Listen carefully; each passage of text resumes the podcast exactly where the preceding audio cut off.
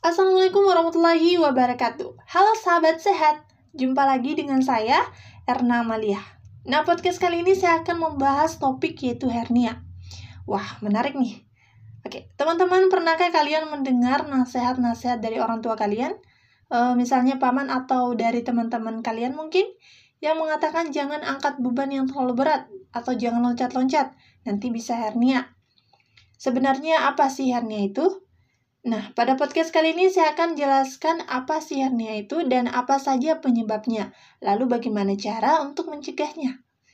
Jadi, hernia merupakan kondisi di mana organ dalam tubuh mencuat atau keluar sebagian dari otot atau jaringan ikat di sekitarnya yang mengalami kelemahan. Nah, organ yang biasanya mengalami hernia atau keluar tadi biasanya adalah usus. Teman-teman, ada dua hal yang menjadi penyebab utama terjadinya hernia yaitu yang pertama disebabkan karena lemahnya dinding otot yang berfungsi sebagai penahan organ tadi. Bisa disebabkan karena usia tua, kemudian bawaan lahir terutama pada daerah umbilikus dan diafragma. Kemudian mereka-mereka yang mengalami penyakit tertentu seperti batuk kronis, kemudian diabetes dan penyakit-penyakit lainnya. Yang kedua disebabkan karena tekanan yang terlalu besar, biasanya tekanan di dalam intraabdominal apa yang menyebabkan tekanan ini terlalu besar biasanya disebabkan oleh faktor-faktor seperti yang pertama, mengangkat barang terlalu berat yang akhirnya menimbulkan tekanan. Yang kedua, konstipasi. Nah, siapa di sini yang susah buang air besar di dalam toilet? Yang harus ngeden dulu. Nah, ini juga dapat menimbulkan tekanan yang besar di dalam perut ya, teman-teman. Lalu yang ketiga, kondisi kehamilan. Ini juga menyebabkan tekanan yang besar di dalam perut ya. Jadi, wanita yang hamil itu juga memiliki resiko besar untuk terjadi hernia. Kemudian yang keempat adalah penumpukan cairan di dalam rongga perut. Lalu yang kelima adalah peningkatan berat badan yang drastis. Kemudian yang terakhir adalah kondisi penyakit tertentu, seperti batuk-batuk, kemudian bersin-bersin jangka panjang. Nah, teman-teman, batuk dan bersin ini juga terjadi peningkatan tekanan di dalam tubuh. Pertama, di dalam organ indera abdominal. Nah, kalau ditanya apa saja gejala dari hernia, gejala hernia yang ditimbulkan berbeda-beda, tergantung lokasinya di mana. Pada umumnya biasanya di lipatan paha. Mereka lihat ada benjolan ketika mereka mengangkat beban. Tertawa atau batuk, benjolan itu terlihat keluar. Tetapi ketika mereka tiduran lagi istirahat, seketika itu masuk kembali. Nah, biasanya tidak disertai dengan rasa sakit, kecuali benjolan yang keluar tadi. Misalnya usus yang keluar yang jumlahnya besar, akhirnya terjepit. Nah, sekarang kita masuk ke jenis-jenis hernia. Hernia yang pertama adalah hernia inguinalis. Hernia inguinalis ini merupakan kondisi di mana usus dan jaringan-jaringan lemak itu mencuat ke selangkangan. Nah, ini merupakan kondisi hernia yang paling sering terjadi dan penderitanya biasanya terjadi pada pria. Lalu yang kedua adalah hernia femoralis. Hernia femoralis ini merupakan kondisi di mana jaringan lemak dan sebagian khusus itu mencuat ke bagian paha dan penderitanya biasanya adalah wanita.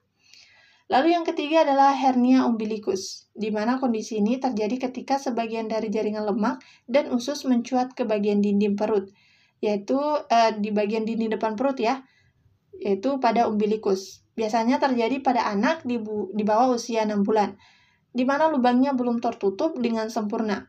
Selanjutnya adalah hernia hiatus, di mana sebagian dari lambung itu mencuat ke dalam rongga dada melalui diafragma. Nah, di tubuh kita ini ada batasan antara perut dan rongga dada oleh diafragma, yang pada akhirnya hiatus. Sebagian dari lambung kita itu masuk ke dalam rongga dada melalui diafragma tadi. Selanjutnya adalah hernia insisional, ini terjadi ketika organ usus atau sebagian dari jaringan lemak itu mencuat keluar dari luka bekas operasi. Jadi buat teman-teman yang habis operasi sebaiknya jaga pola makan kalian ya. Makanlah makanan yang bergizi supaya lukanya dapat tumbuh dengan baik. Kemudian uh, ada jenis-jenis hernia yang lainnya. Seperti hernia epigastrik, hernia spigelian, dan hernia diafragma. Ini saya tidak jelaskan lagi, eh, tetapi prinsipnya sama. Ketika terjadi hernia, ada sebagian usus atau jaringan lemak yang keluar atau mencuat melalui pintu hernia. Lalu kita masuk ke penjelasan bagaimana cara pencegahan supaya tidak terjadi hernia. Yang pertama adalah menjaga berat badan. Jadi kurangi porsi makan teman-teman. Jangan sampai overeat, karena overeat merupakan salah satu faktor terjadinya hernia. Kemudian yang kedua, bagi kalian yang mengalami masalah konstipasi, segera diperbaiki. Jadi teman-teman kurangi ngedeng di dalam WC ya.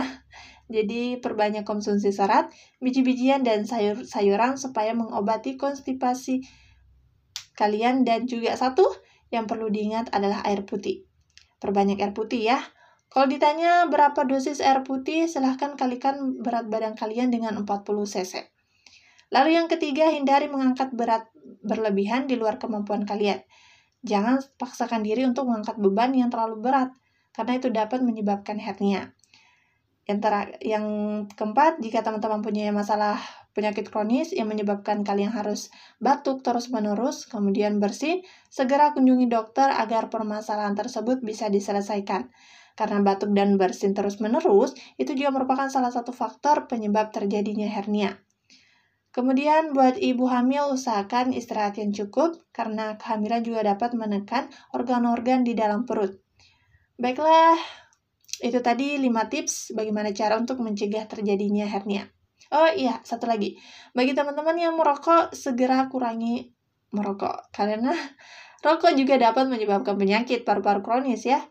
Akhirnya teman-teman harus batuk-batuk sepanjang tahun dan ini juga dapat menyebabkan terjadinya hernia.